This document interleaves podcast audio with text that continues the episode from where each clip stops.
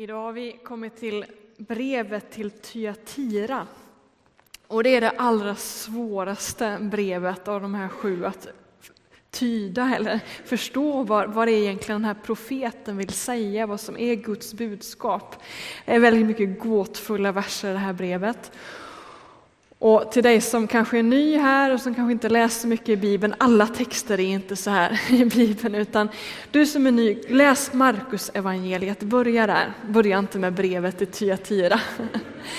Men vi ska läsa det, vi börjar med en gång och ska försöka se vad är det här för någonting? Och huvudfrågan i det här brevet är, vem är denna gåtfulla kvinna som beskrivs i det här brevet? Finns hon på riktigt? Eller är det bara en slags bild, metafor av någonting? Det, det är liksom frågan, den måste nog ha med er i huvudet när ni, när ni läser det här, för det, det är mycket konstigt som kommer här nu. Men så här skrev alltså det var Jesu budskap till församlingen i Tyatira genom aposteln Johannes. Så här står det, kapitel 2 i Uppenbarelseboken, vers 18. Och skriv till ängeln för församlingen i Tyatira. Så säger Guds son, han som har ögon som eldslågor och hans fötter liknar gyllene brons. Jag känner dina gärningar, din kärlek och din tro, ditt tjänande och din uthållighet och vet att dina senaste gärningar är fler än de första. Men det har jag emot dig att du låter kvinnan Isabel hållas hon som kallar sig profet och lär och förleder mina tjänare att bedriva otukt och äta offerkött. Jag gav henne tid att vända om, men hon ville inte vända om från sin otukt. Se, jag ska lägga henne på sjukbädden och dem som horar med henne ska jag låta drabbas av svåra lidanden om de inte vänder om från hennes gärningar. Och hennes barn ska jag döda med pest och alla församlingar ska förstå att jag är den som ransakar njurar och hjärtan och som ska ge var och en av er vad hans gärningar är värda.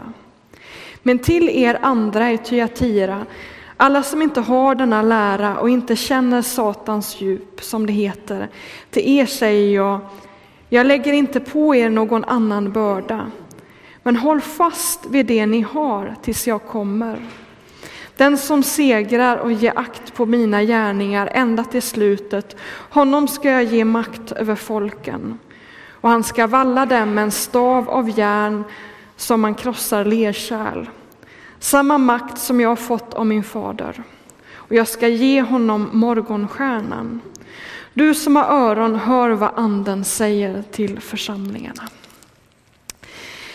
Det hade ju varit roligt att kunna gå igenom vers för vers och verkligen gräva i det här brevet. Vad betyder det här? Men det hinner inte vi. Vi ska hinna fira nattvard och kyrkkaffe och allt detta, utan jag ska hålla mig till min lilla tid som jag har fått. Och då, då ska jag uppehålla mig just vid den frågan, vem är Isabel? Och vad kan vi ta till oss av det? Som liksom det här brevet till säga om den här kvinnan Isabel. Och så får vi låta det andra vara. Eh, jag skulle vilja också berätta för er varför, hur jag kommit fram till det jag, jag, jag, ska säga nu här, men det hinner vi egentligen inte riktigt heller. Så ni får helt enkelt lita på att jag har läst på ordentligt och verkligen funderat, så kör jag bara vad jag har kommit fram till. Så får ni fråga mig efteråt. Men, men, men lite snabbt några argument. Jag tror inte att det fanns en kvinna i Tyatira som hette Isabel. Jag tror inte det.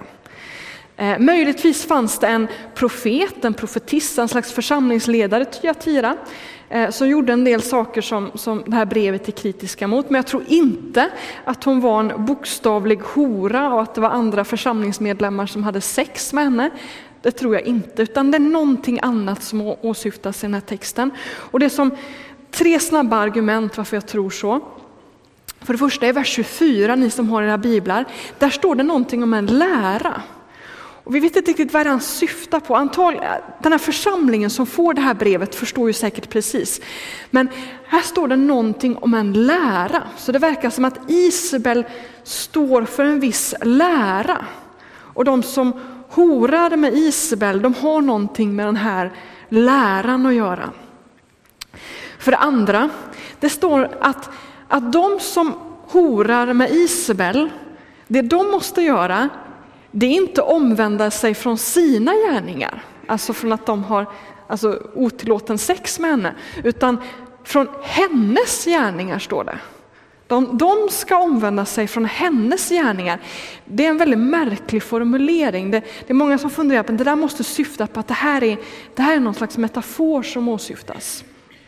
Och sen eh, för det tredje, och det starkaste argumentet, att hon heter Isabel.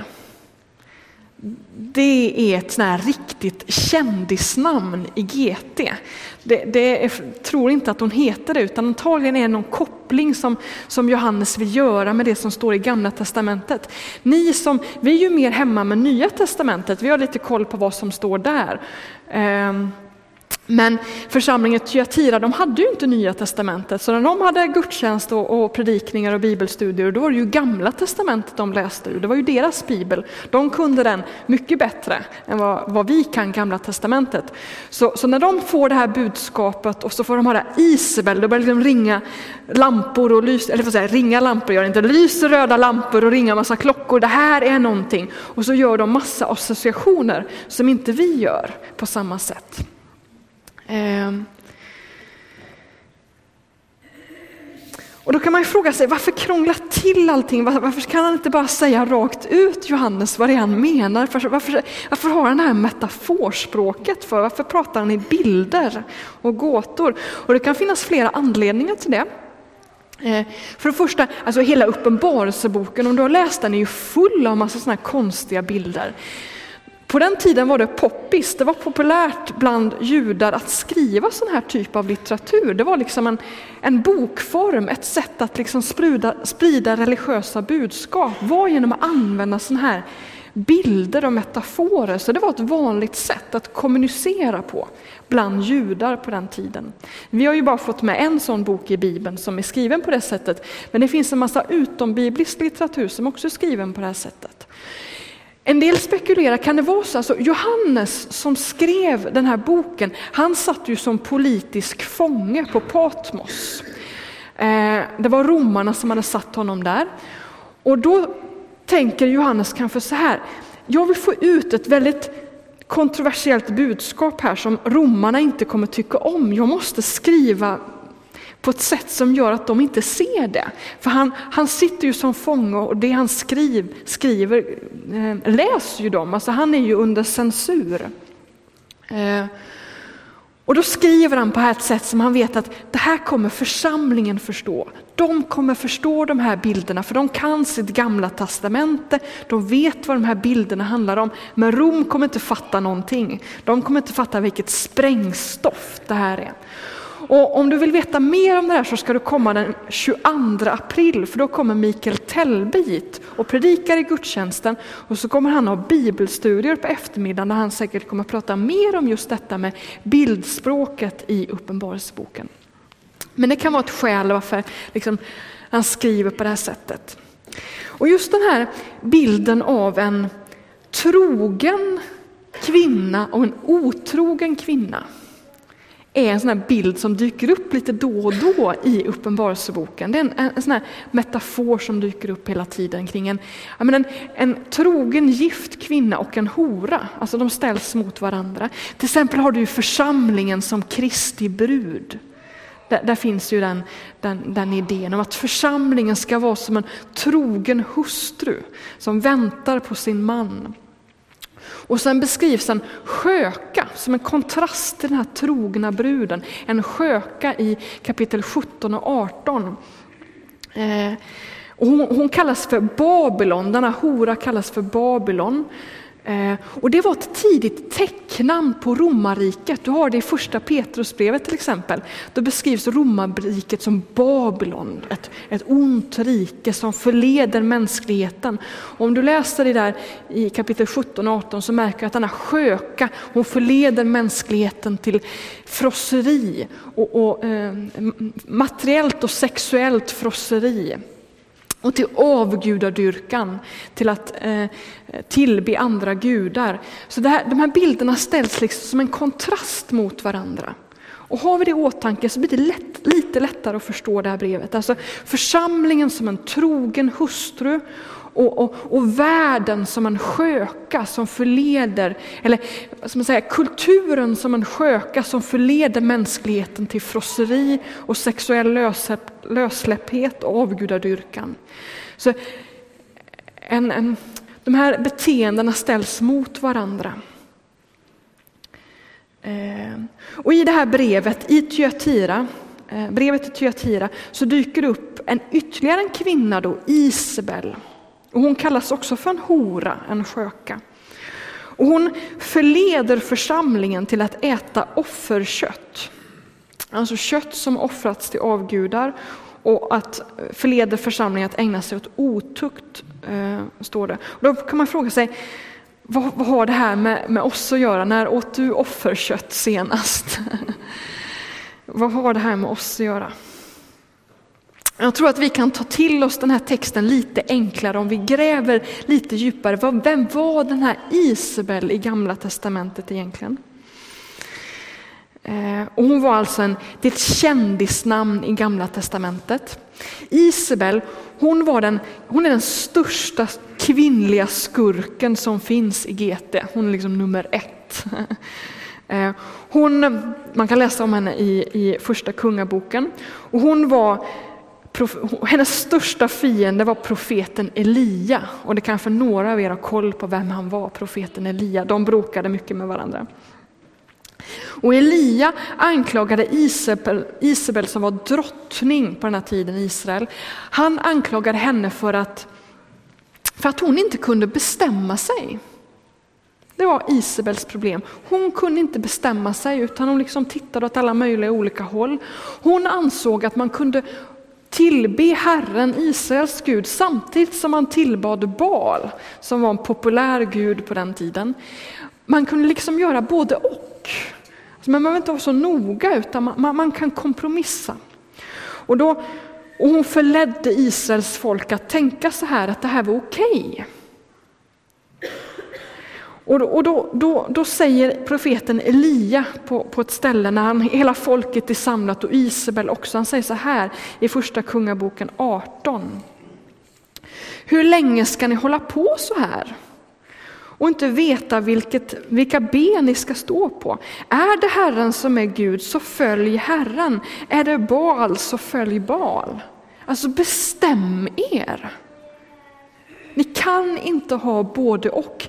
Ni måste bestämma er. Det är vad Elia säger. Och när ni väl har bestämt er, då måste ni vara trogna ert val. När ni väl har bestämt er, då måste ni följa det, då måste ni stå för det. Och, och detta med Alltså relationen mellan Gud och församlingen, relationen mellan Gud och människan liknas mycket i Gamla Testamentet och också Nya Testamentet vid en parrelation, en man och en kvinna, ett äktenskap. Flera bibelböcker tar upp den metaforen. Relationen mellan Gud och hans folk är som en relation i ett äktenskap. Ett patriarkalt äktenskap. Och Det kan vara viktigt att komma ihåg, ett patriarkalt äktenskap. Och nu, nu liten utvikning här, nu måste vi komma ihåg så här att när, när, när, när Bibeln säger att relationen mellan Gud och människa är som ett patriarkalt äktenskap så betyder inte det att ett kristet äktenskap ska vara patriarkalt. Och det där med att skilja mellan metafor och verklighet. När jag gick i söndagsskola fick jag lära mig en sån här fantastisk sång, Bygg inte hus på en sandig strand. En del av er kan den. Eh, den sjöng vi väldigt ofta och den är ju en idiotisk sång att sjunga i söndagsskolan. För jag fattar inte alls vad det handlar om. Jag bodde på en ö, jag är uppvuxen på en ö och där blir den sångens budskap väldigt tydligt. Man kan inte bygga ett hus på en sandig strand för då, då, då spolas ehm, huset bort när det, är, när det är översvämning, vilket ju regelbundet är på vintrarna. Och, och jag var väldigt glad att mina föräldrar var så kloka som hade byggt sitt hus på, på ett berg. För vi behövde inte vara oroliga för det, att vi skulle liksom få vårt hus förstört. Och jag tänkte att det är ju en del av den kristna tron. Att man ska bygga ett hus på ett berg. Jag fattar inte metaforen, för den, det budskapet att inte bygga ett hus på en sandig strand, det står i bergspredikan, det är Jesus som säger det och poängen är du ska bygga ditt liv på Guds ord. Det är liksom grejen. Så att detta med att skilja mellan metafor och liksom det vi ska ta till oss, det är jätteviktigt. När Paulus skriver om äktenskapet så säger han så här, älska varandra, underordna er varandra och bete er på ett värdigt sätt gentemot omvärlden. Därför säger han till kvinnorna, underordna era män, för det var någonting värdigt, det var någonting fint i den kulturen. Men så säger han, kom ihåg att ni är jämlika. Han säger till männen, ni får inte hantera era hustrur på, på vilket sätt som helst, ni är jämlika. Så hade Paulus skrivit sitt, sina brev idag, hade han sagt, var jämlika, för det är så ni skapade, det är så det ska vara. Och det är, så som en, det, är det som är en dygd i världen. Bete er på ett värdigt sätt. Det var en liten utvikning. Tillbaka till ämnet. Relationen mellan Gud och hans folk liknas vid ett patriarkalt äktenskap, det var där vi var. Där Gud är den starkare parten som tar hand om sitt folk. Alltså Gud är patriarken, Gud är den som tar hand om sitt folk. Och folket måste vara trogen Gud i den relationen. Det är ett äktenskap där trohet är viktigt. Och gång på gång i Gamla Testamentet liknas Gud vid en övergiven man som liksom säger, vad är det någonstans? Jag står här och väntar, var har du tagit vägen? Varför söker du beskydd hos någon annan? Där det är jag som kan ta hand om dig. Det är, liksom, det är därför det här med patriarkalt äktenskap är så viktigt att komma ihåg när man, man, läser de här metaforerna. Det är det Gud säger. Jag älskar dig, jag vill ta hand om dig, jag vill beskydda dig. Ingen kan göra det som jag. Så kom! Varför har du övergett mig? Kom, jag står här. Jag vill förlåta dig, jag vill ta hand om dig.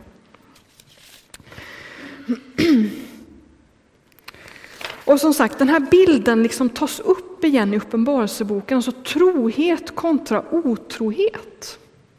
Det är en bild som kommer igen i Uppenbarelseboken. Och, och Rom, eh, alltså romarriket, den omgivande kulturen, är ju en kultur som säger, som inte håller trohet som någonting viktigt, utan man kan liksom spreta åt alla möjliga håll. Man, kan, man behöver inte, det fanns en acceptans mot sexuell löshet lössläppthet. Eh, det var okej okay att tillbe olika gudar, alltså någon slags total splittring, alltså otrohet på alla möjliga olika plan. Och det vill Uppenbarelseboken varna för. Alltså låt inte kulturen bedra er, ni måste vara trogna. Och det där blev, då blev romarriket väldigt provocerade av de kristna. Det är därför Johannes sitter som fånge på Patmos. För att han har provocerat romarriket och just sagt detta. Ja, vi lever i en pluralistisk värld. Ja, det finns mångfald. Men jag tänker bara välja det här. Jag tänker vara trogen Kristus. Det går inte att ha både och. Och för det sätts han i fängelse. Och det är ett budskap vi kan ta till oss idag med. Vi lever precis som i Rom i en, en pluralistisk värld, en värld av mångfald och det är bra. Det har vi i frikyrkan kämpat för att var och en ska få välja sin egen tro. Religionsfrihet var någonting som, som vi i frikyrkan i Sverige stred för. Men när man väl har valt så ska man få vara, vara kvar där. Man, man ska kunna vara trogen man ska kunna säga, jag vill följa Kristus och jag ska inte följa det där. Man kan leva, man kan ha ett pluralistiskt samhälle, men man kan också vara trogen Kristus. Och man måste tydliggöra det. Att det är en sån värld vi lever i, det, det är ändå en utmaning att vara trogen. Man kan inte tillhöra Kristus och bara göra som alla andra.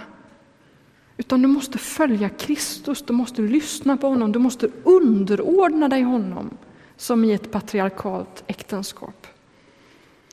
Och, och i, i det här brevet till Tyatira så, så, så, så tas ju detta upp, alltså Isabel, det verkar finnas någon i den här församlingen som förleder församlingen till att tro att man kan ha både och, precis som som eh, Isabel i Gamla Testamentet och att man därför kan äta offerkött. Alltså delta i de här offerriterna som fanns i romarriket och att leva som alla andra på det sexuella området. Det fanns någon som, som, som spred det här budskapet i församlingen och då säger, då säger eh, det här brevet domen kommer falla hårt på den här profeten och de som har slutit sig till henne. Och då kan man fråga, det talas om en död, att hon kommer dö, att, att, att det som är fruktan av hennes liv, hennes barn kommer att dö. Vad är det för död? Är det en bokstavlig död? Att hon bara en dag kommer falla ner där i en gudstjänst död som Ananias och Safira i Apostlagärningarna? Eller är det en slags andlig död? Eller är det detta att hon inte kommer uppstå igen vi, vi, vi, när Jesus kommer tillbaka? Alltså, är det att hon inte kommer få evigt liv? Vad är det för slags död? Och jag vet inte. Men, men det finns ett allvar i texten, alltså det finns en dom över ett sådant beteende när man inte är trogen. Det finns en sån dom. Och det som det stod i vers 23, så här stod det efter det avsnittet. Och alla församlingar ska förstå att jag är den som ransakar njurar och hjärtan och som ska ge var och en av er vad hans gärningar är värda. Det finns ett allvar i detta. Och detta att, att, att, att Jesus rannsakar njurar och hjärtan, det är också metaforer. Inte så att han ska titta i våra njurar och hjärtan, utan det är att han ser bakom våra masker. Han ser rakt igenom oss. Han vet om vi är trogna eller inte.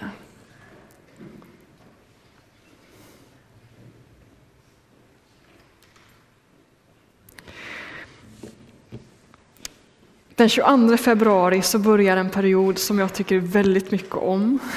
En del av er som brukar gå här vet att jag tjatar väldigt mycket om den när det är dags. Snart är det påsk mina vänner. Det älskar jag och det är inte den 22 april utan då börjar fastan. Den 40 dagar långa fasteperioden inför påsken. Eh, då man får tid att förbereda sig för att fira påsk. Jag älskar den högtiden. Och här ute på infodisken så finns det en liten broschyr som berättar om vad fastan är för någonting. För det är inte så mycket att avstå från mat som att meditera över frågan, är jag trogen? Det är en period där man liksom får ställa den frågan. Man får leva lite mer i den frågan, är jag trogen? Och fastan brukar börja med en traditionell askonsdagsgudstjänst, en sån ska vi inte ha här, men du kan till exempel gå till domkyrkan och, om du vill se vad det är för någonting. Det är en gudstjänst där, där man har en, en, en slags bönestation där man får komma fram och få ett kors tecknat av aska i pannan. Väldigt magstarkt är det. Speciell rit. Men jag älskar de orden som man säger när man tecknar det där korset, för då säger man så här. Minns att du är stoft, att du åter ska bli stoft. Omvänd dig och tro evangelium. Jag älskar den dagen, för jag, tycker, jag, jag, jag, känner att jag behöver få höra det. Minns att du är stoft, att du åter ska bli stoft omvänd dig och tro evangelium. Och så får jag gå med de orden under fastan och så får jag jubla på påskdagen över att Kristus har besegrat min synd, världens synd, all ondska och död. Det, det, det är liksom ett sätt att liksom förbereda sig i påsken. Och detta, denna fråga är så viktig, alltså minns att du är dödlig. Det är det som kommer fram i det här brevet. Minns att du är dödlig. Jag blev väldigt påminn om det i, i höstas, en del av er vet om det, att jag blev påkörd här utanför vid cykelöverfarten mellan Coop och eh, kyrkan. Och då ramlade jag så olyckligt, det var en bil som knuffade till mig och så klämde jag mitt finger mellan vägen och cykeln. Och så fick jag ett knepigt sår och det slutade med att min, min fingertopp den dog kan man tänka sig. När vi kopplade, tog bort bandaget så var jag, jag, jag visste inte att det kunde se ut så. Det var helt svart. Och, och, och nu, en del av er vill inte höra det här, men det var, för, liksom, det var som, en, som en liten kolbit var det. Det, var, liksom, det gick att knacka på, det var hårt. Och där stod, och det, och det här har de sagt till mig att Eleanor, vi opererar inte nu utan du får tvätta det här fingret varje dag lite hårdhänt så kanske det ramlar bort av sig själv. Ja, tala om vilken askonsdag, att liksom stå med det här fingret och tänka, det är så här jag kommer se ut när de begraver mig. Det är faktiskt sant. Jag är stoft. Det här fingret lever inte längre. En del av er blev väldigt äcklade nu, jag ber om ursäkt. Men jag, jag blev fascinerad av detta. Minns att du är stoft. Du bär inte evigt liv inom dig själv. Du är dödlig. Du, du, du är stoft. Och det är därför man har använt den här askan. Minns att du är dödlig.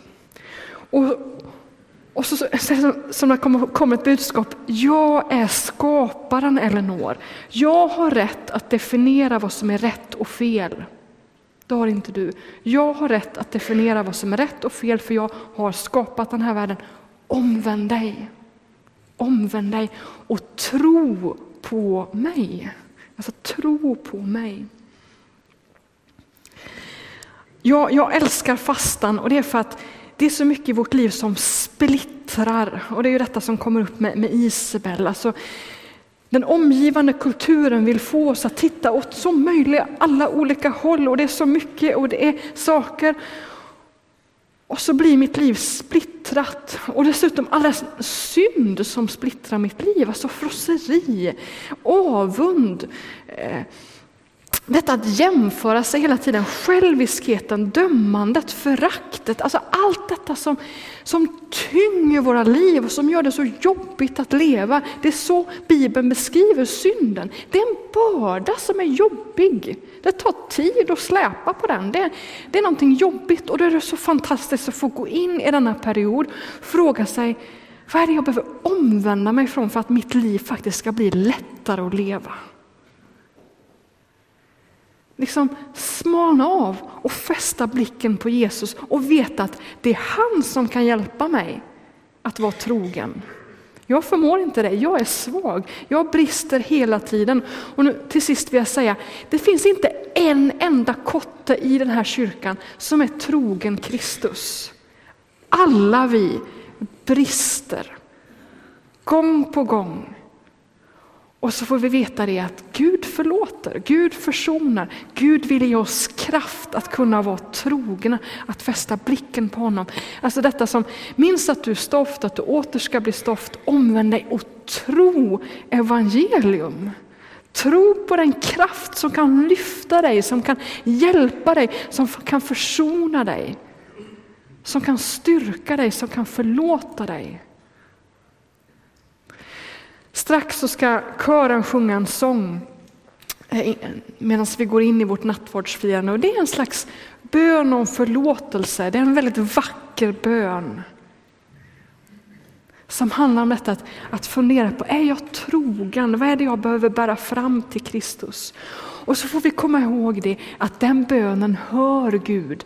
Ingen här inne får tänka så här, jag är inte värdig att gå fram och ta emot av nattvardsgåvorna. Ingen får tänka så. För det är nämligen så att alla här inne är ovärdiga. Alla vi har syndat, alla vi är otrogna mot Kristus. Men så är det så när Jesus instiftade den här måltiden så sa han, den här kalken, det är det nya förbundet som förmedlar förlåtelse. Alltså, det, det, vi bekänner med vår kropp när vi tar emot brödet och vinet är, jag är otrogen mot dig Kristus, men du står där och du försonar mig, du förlåter mig, du renar mig och tack att jag får ta emot detta. Du får inte neka dig själv de här gåvorna. Kom ihåg du när vi, när vi finns i den här sången. Gud försonar, Gud upprättar. Gud förlåter dig. Gud är barmhärtig och nådefull. Han står där och säger kom låt mig få ta hand om dig. Jag vill hjälpa dig att leva troget. Det är budskapet. Så kören, välkomna fram och led oss i den här bönen. Just det, medan kören går fram så Vi gör så här, medan kören går fram så ber vi och sen ska jag läsa ett till bibelord.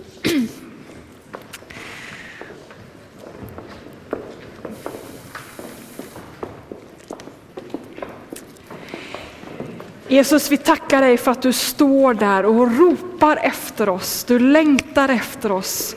Tack att du försonar oss, du förlåter oss, du förlåter all vår synd och du vill upprätta oss och göra oss till trogna efterföljare av din son. Fader, tack för den kraft du vill ge, den försoning du vill ge. Och jag ber att du skulle vara med oss den här perioden fram till påsk. Förbered oss så att vi kan jubla på påskdagen över din seger. Det är vad jag ber om. Gör oss jublande inför din tron, inför din seger. I Jesu namn, Amen. Ett bibelord till sist som vi skickar med från andra Timoteusbrevet som har ringt i min, mina öron den här morgonen. Så här står det. Detta är ett ord att lita på. Ty har vi dött med honom ska vi leva med honom. Härdar vi ut ska vi härska med honom. Förnekar vi honom ska han också förneka oss. Är vi trolösa förblir han ändå trogen, för han kan inte förneka sig själv. Kom ihåg det. Är vi trolösa så förblir Kristus trogen.